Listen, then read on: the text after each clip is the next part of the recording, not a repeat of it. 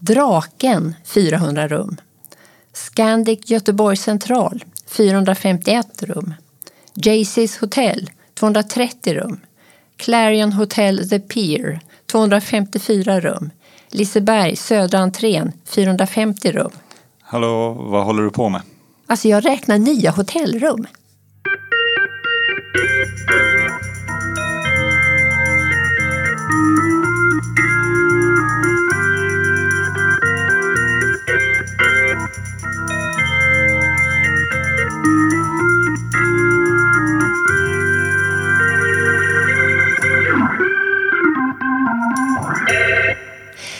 Välkommen till en kvart om Göteborgs stadsmuseets alldeles egna podd. Jag heter Ylva. Och jag heter Christian. Och idag ska vi prata om hotell i Göteborg. De planerar att bygga 3000 nya hotellrum i stan. Ja, och säkert, det är ju liksom nästan dubbelt så många hotell, sängplatser. Så typ nästan tre gånger allt folk i Långedrag som behöver nya hotellsängar. Eller alla i Kullavik. Ja, men de, de håller sig väl hemma, tänker jag. Få av oss göteborgare har koll på var det är bäst att övernatta i stan. Vi sover ju mest i egen säng. Mm, visst. Men det är faktiskt två helt olika saker det här. Sova hemma eller checka in på hotell. Så vad är skillnaden? Ja men så här. Blicken ändras ju när du kliver in på hotell. Plötsligt blir det ju viktigt med ja, var kan jag sätta bagaget? Hur är sängen? Badrummet? Vad finns i kylskåpet? Mm, men jag tänker också tvärtom. Alltså att sånt som inte är behov blir viktigt. Mm. Vi pratar begär då, tänker jag. Ja, tänker du på innehållet i hotellbaren. Alltså det kan ju ingå, men jag tänker på stämningen, alltså designen, hur miljön är utformad, materialval, ljussättning, ljudnivå, mm. allt sånt. Ja, visst. Får inte prata om personalen. Känner jag mig välkommen in eller? Ja, nej, men mottagandet är ju viktigt. Och jag tänker också andra hotellgäster. Mm. Alltså, vill du synas i mängden eller smälta in? Ja, just det. För egentligen så säljer ju hotell, de säljer ju inte bara nätter i bekväma sängar utan helt andra drömmar. Ja, alltså god sovkomfort underlättar ju. Men du checkar ju in i en typ av parallellvärld till den vanliga vardagen. Ett universum som i huvudsak bygger på upplevelser. Blir du en kicktorsk? Alltså vissa kanske blir det. Men är inte hotell ofta en typ av unna-kultur i rumsform? Alltså det pratar ju om äventyr förpackad som designad behaglighet. Ja, någonting åt det hållet faktiskt. Men har du bott på hotell i Göteborg? Nej, faktiskt aldrig. Eh, men jag bodde ensam i ett tiobäddsrum på ett vandrarhem när jag först flyttade hit. Eh, en helt annan grej, men ändå. Eh, du då? Ja, jag har bott en gång i samband med en födelsedag för några år sedan. Fin utsikt, sköna sängar och rejäl hotellfrukost såklart. Äggröra, du vet, fruktsallad, mm. croissanter. Oj, oj, oj. Gött låter det. Mm. Men en fråga i samband med dagens ämne. Hur ska man beskriva hotellgäster egentligen? De är ju inte bofasta. Nej. Men är de boflytande? Eller boflyktiga ett bättre begrepp? Ja, men kanske boflyktiga då. Eh, hemlösa är de ju i alla fall sällan. Mm. Eh, men det är ju lite som att ha en affär med sitt primärboende. Ja. Eh, men låt oss gräva lite i vad det är de här boflyktiga behöver och begär på hotell i Göteborg då. Ja, men något viktigt verkar det ju vara med tanke på de resurser som investeras. Ja, byggtakten är ju hög. Ja, och det är ju även de nya hotellen. Vad är det för vits med det? Alltså utsikt tänker jag. Mm kolla ner på stan från det där universumet vi pratade om. Mm. Få lite överblick. Och, men sen är det ju också det vanliga ur byggsynpunkt. Alltså det blir mer pang för pengarna när du bygger högt. Om du då inte kan svälla ut på bredden, vilket kan vara svårt i en tätbebyggd stad. Ja. Och större flöden av folk som ger fler matgäster och mer ölhäng och kaffedrickare i området ett hotell kan ju bli en destination i sig, alltså något som lockar ännu mer folk. Just så, och enligt statistik från Göteborg Company finns och kommer det finnas stor efterfrågan på hotellrum i stan. Mm. Men vi gör väl som vanligt, vi tittar bakåt för att förstå hur det börjar. Det är alltid en bra idé. Mm. För spåren finns ju fortfarande kvar i Göteborg. Absolut. För folk har ju alltid kommit resande till stan för allsköns ärenden, köpa och såväl som att sälja. Ja, nej, men hamnstadens fördel är ju att hit har varor skeppats under nu då mer än 400 år. Te, siden, porslin från Kina, trä från Värmland och spannmål från Hisingen. Och fisk från Salta havet. Och med varorna kommer ju folket. Ja, och i början bodde de här tillfälliga besökarna i första hand på så kallade gästgiverier. Och många reste ju med häst om de inte gick på vanliga ben. Vanliga ben. ja. Och någonstans behövde ju både hästen och människan vila och få lite mat. Och visst var det så att före gästgiverierna kom, då var resande tvungna att tigga husrum hos någon bonde. Ja, men så var det ju. Alltså i början var allt lite hipp som happ och du kunde få dela säng med gubben som hyrde ut och äta vad han då eventuellt hade kokat ihop i sin gryta på spisen. Ja, det låter inte som någon Michelinstjärnor för maten. Kanske inte varje gång, men eh, med gästgiveriordningen 1734 då, så blev det successivt bättre ordning på både service och mat.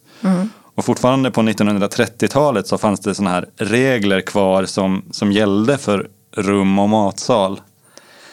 Det här som jag nu ska läsa är hämtat från Kolbäcks hembygdsförening. Shout out till dem. Är du beredd? Ja, men jag tror det. Ja, men okej. Se till att kniv, gaffel och sked ej har den ringaste matrest på sig från föregående måltider. Okej. Skär ej brödskivorna tjockare än en fjärdedels tum. Bjud ej resande på härsket smör eller illafarna ägg. Ta bort alla cigarrstumpar från blomkrukorna. Stolar, bord och sängar böra hava många ben så att det icke behöva stöd av väggarna. Nu pratar vi äventyrsnätter och rika upplevelser. Ja, det ger väl lite perspektiv på vår tids designade hotellmiljöer kanske. Och mindre faktiskt än hundra år sedan, senare efter det här då, så startar ju hubben för hotell i Göteborg vid det som idag heter Hotellplatsen som ju ligger väldigt nära centralstationen. Ja, men redan före järnvägen kom till stan och förändrade våra resvanor så öppnades ju stans första hotell just här. Mm. Och det var ju Göta källare. Och det huset med namnskylt och allt finns ju kvar. Så ni som lyssnar kan ju lätt ta er till hotellplatsen och kolla in var det ligger. Men det är ändå inget som riktigt signalerar hotell med den här byggnaden. Ja, men vad tänker du? Ja, men att, att det skulle vara någon utsmyckning vid ingången eller sådär. Eller runt fönstren. Typ säng och en harpa. Säng och en harpa. Nej, det har de inte. Och de har inte någon John Blund heller. Alltså, jag tänkte dra lite historia som jag läste om Göta källare som är skriven av Fredberg 1912. Ja, men kör. Mm. Som det här. Göta källare var första anhalt för Stockholmsdiligensen när den reste från Göteborg. Mhm. Hur lång tid tog det med häst från Stockholm till Göteborg? Alltså flera dygn. Okej. Och det här hotellet då, Göta källare, det startades av en bondson som hette Laurentius Segerlind. Och de första åren så gick affärerna lite småknackigt men sen kom han på att hyra ut till kronprinsens husarregemente. Ett logement är kanske ingen, inga drömgäster idag, tänker jag. Nej, kanske inte. Men på 1800-talet så var ju marschmusik väldigt uppskattat. Just. Och så fort en hög militär kom till stan, ja men då bodde de på Göta källare. Ja, okej. Men med uniform var lika med status. Ja, då som nu kan man säga, när värnplikten ska utökas. Hur som helst, en udda grej det var ju att Segerlind förvarade hö för hungriga hästar på andra våningen i hotellet. Hö som han hade skördat på sin äng och på den platsen går, i, den går ju idag under namnet Trädgårdsföreningen. Va? Ja. Mhm. ja, men det är så många frågor om hur det då funkade med hö på hotell känner jag. Eh, Men det berättar ju också verkligen om en helt annan stad. Ja, det gör det.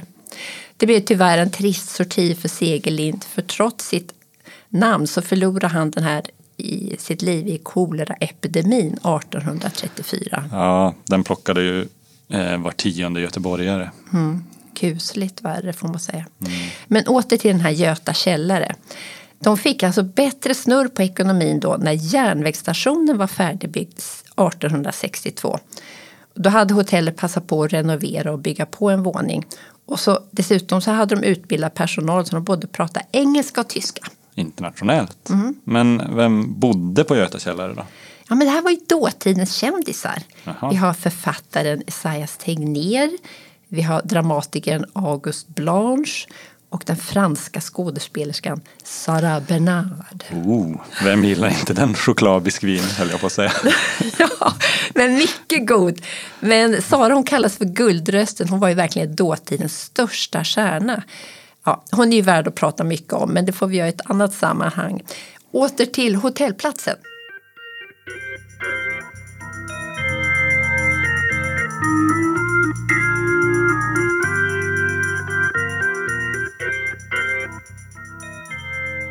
Ja, för här låg ju också Haglunds hotell. Och den här Haglund köpte ju dessutom också Göta källare vad det led. Och han anses ha moderniserat hela hotellbranschen i Göteborg. Mhm, Hur då? Ja, men dels så fixade han till miljön utanför hotellet och drog igång sån här trottoarservering alla Paris. Och det här var då redan 1877. Okej, så att det här idén med uteservering det kom alltså från Frankrike. Det var liksom kul info. Ja, nej men Haglund hade ju skaffat sig lite så här internationell koll och planterade lagerträd utanför sitt hotell bland annat. Eh, och det, i den här gröna skuggan så drack då herrar öl på förmiddagen och punsch med sodavatten på eftermiddagarna. Mhm, Chill, för punsch var ju dåtidens moddryck. Det kom ju till Göteborg redan på 1700-talet. Ja, precis. Den dracks ju varm på vintern och kall på sommaren också. Mm. Vad gjorde han mer då? Nej, han fräschade till rummen och maten. Sen lockade han hit borgerskapets män kan man säga. Köpmän, industriidkare och tjänstemän. De hängde här, snackade och gjorde affärer. Eh, Göta källare beskrivs som platsen för, nu citerar jag då, små kotterier och intima klubbar. Intima. Okej. Vi pratar herrklubbar nu, eller hur? Yes. Och en av de kändaste hette, håll i dig nu, Saturday Night Life. Den var stor på 1870 och 1880-talen. Alltså det här låter ju som disco, hundra år före det ens fanns. Ja, nej men något för Travolta om han hade levt då kanske. Ja. Men den här tiden då, i slutet av 1800-talet, då pågår den här urbaniseringen. Och Göteborgs befolkning de ökar ju med hela 100 procent på bara 30 år, alltså från 1870 till 1900. Oj, ja. Eh, Så det behövdes kanske inte bara bostäder då, utan också ännu fler hotell. Ja, och en av de här legendariska var ju vi och kolla på inför det här programmet. Citat, hotell i perfekt läge ända sedan 1859. Nu snackar du Hotell Eggers. Det är en favorit som har kvar mycket av sin historiska charm. Plus ett eget spöke sägs det. Ja, just. Visst tror de att det var en argsint hotelldirektris? Ja, en kvinna vid namn Ebba Eggers. Eh, Hon fick ju en kuslig död. Ja, men berätta. Det var den 26 januari 1947 så var hon då tillsammans på samma plan som arvprinsen Gustav Adolfs. Gustav Adolf. Eh, Det vill säga pappa till vår nuvarande kung Carl Gustav. Eh, Och det här flyget störtade ju och alla passagerare dog omedelbart. Åh, alltså verkligen kusligt. Jag tänker, det här är ju människor som precis har överlevt andra världskriget också. Eh, Men oavsett om du är spöke då eller dö, vanlig dönicke så kan du ju inte ha missat den här stora vita byggnaden som ligger på höger sida när du går ut från centralen. Från början hette den ju också Järnvägshotellet. Och här har ju inte bara turister och handelsresande bott utan också Amerikaemigranter. För det är ju en aspekt av att bo på hotell. Alltså du vill vara nära ett, eh, ett typ av resecenter för att snabbt kunna ta dig vidare dit du då ska. Oavsett om det är till Nyköping eller New York. Eh, och en av mina favoriter är ju det här emigranthotellet Hembygden. Det är inte hotell längre men byggnaden vid Packhusplatsen finns faktiskt kvar. Ja, den kan man ju se. Kaxigt namn får man säga. Alltså, nästan lite överkaxigt. Det här hotellet de arbetade ju då för att få folk att inte emigrera utan att stanna i Sverige. Eh, och inredde därför hotellet för ja, någon typ av maximal fosterlandskänsla. Okej. Och det här då alltså bokstavligen tvärs över gatan från där den skulle hoppa på båten över havet. Eh, kanske lite i senaste laget. Alltså det gick inte heller toppen bra för Hotell Hembygden. Okej, okay. sorti där. Sorti för hembygden. Men bättre gick det ju för hotellen som låg vid hotellplatsen. Där låg ju länge ett legendariskt vid namn Grand Hotel. Ja, som de då rev 1972. Men ni som vill se bilder så gå in på Stadsmuseets samling via nätet, Carlotta då, och slå på Grand Hotel Interiör. Så får ni själva se hur fantastiskt det såg ut. Eh, alltså det är lite som ett besök i Palmhuset med en vacker trappa med snidat räcke, kristallkronor i taket, linnedukar på borden. Mm. Ja, verkligen fint. Det är tur att det finns några foton i alla fall efter den rivningen. Ett annat sånt här äldre hotell som fortfarande finns kvar är Hotell Royal. En ljusblå hörnbyggnad på Larmgatan. Ja, där var vi ju. Och det här handmålade glastaket de har i receptionen som var original, mm. det var ju otroligt fint. Eh, liksom stengolvet och trappan med det här räcket i jugendstil som vi stod och tittade på. Ja, jättefint. Första gången jag var där. Mm. Verkligen roligt att se. Dessutom var det som en helt annan känsla än moderna hotell. Det är liksom så ja, liten skala, ja, lite personligare, mm. nästan hemtrevligt. I alla fall i foajén där. Ja, precis. Ja, precis. Vi var ju inte inne i rummet. Och så ligger det också en ganska lugn stadsgata utanför. Mm. Det här får är ju också något att fundera över det här med location. Mm. För de flesta äldre hotellen de låg alltså på krypavstånd från centralen. Men var byggs de nya hotellen? Alltså just nu poppar det upp hotell lite överallt i stan. Här kommer då ett litet axplock. Vid Lisebergs södra entré så byggs då Grand Curiosa Hotel. Ett fantasifullt eh, familje och badhotell med inspiration från Göteborgs historia, Ostindiska kompaniet och Liseberg själva då, mm. säger de. Mm. Vi pratar alltså Ostindiska kompaniet som upplevelse. Ja, jag tänker det får de nog jobba på. Jag minns när vi hade forskare från Sydafrika som sa att Ostindiska kompaniet måste vara det värsta företaget någonsin med tanke på all slavhandel de var inblandade i. Ja, det blir väl spännande att se hur de löser det då. Mm. Eh, men här kommer också nästa hotell. Det här Jaycees. Ett Miami-inspirerat poolclub ett 100 meter högt hotell som öppnar i november och ska vara inspirerande, pirrigt, livligt vid Gårdamotet.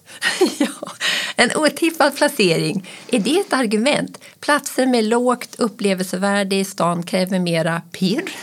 Ja, men ibland så kanske de måste vara det där universumet helt på egen hand när omgivningarna inte bjuder upp. Mm. Men eh, det är väl också få hotell som vill vara opirriga om, om man frågar. Men ännu fler hotell. Eh, attraktiva Karlastadens då, Clarion Hotel.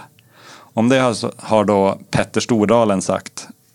Det finns de som tror att the sky's the limit. Det är fel. 2021 kommer detta bli tydligt för gästerna på Clarion Hotel Karlatornet. De kommer tro att de hamnat i nirvana när de tittar ut från takrestaurangen. Nirvana på Lindholmen alltså. alltså här skulle de här varvs och industriarbetarna vetat som jobbade där. Men hotellet hamnar på 58, 58 våningen. Då tänker jag så här, vad händer med de övriga 15 våningar som ligger ovanför? ja, det är väl lite oklart hur långt Nirvana egentligen når. Ja. Alltså så också det här nirvana, brukar inte det ses som en frigörelse från alla former av girighet och begär? Är det liksom bra för business? Alltså jag känner det är många frågor här. Men Stordalen ligger ju också bakom nya hotell Draken som också är i en skyskrapa. Precis, och att det öppnar vid Järntorget tänker jag hör ihop med Långgatorna och det så kallade Linnéstaden. Att det har blivit så populärt. Vi kan prata starkölsdriven stadsutveckling. Ja, nej men det är ju en spännande och svindlande resa som Järntorget genomgår just nu. Från då att ha varit en plats för 1700-talets järnvåg och på 1800-talet eh, centrum för möbelförsäljning till att sen bli centrum för svenska arbetarrörelsen. Ja, och så nu flaggskepp för global ekonomi och upplevelseturism. Blir adressen Olof Palmes plats på det nya hotellet? Då tror jag det är högst osäkert om arbetarrörelsen hamnar i ett tillstånd av designad behaglighet. Nej, de kanske inte hamnar i nirvana då. Nej, för det ligger ju på Lindholmen. Men, Men det är Göteborg. Ja. Tack för att ni har lyssnat. Ja, vi hörs nästa gång. Thank you.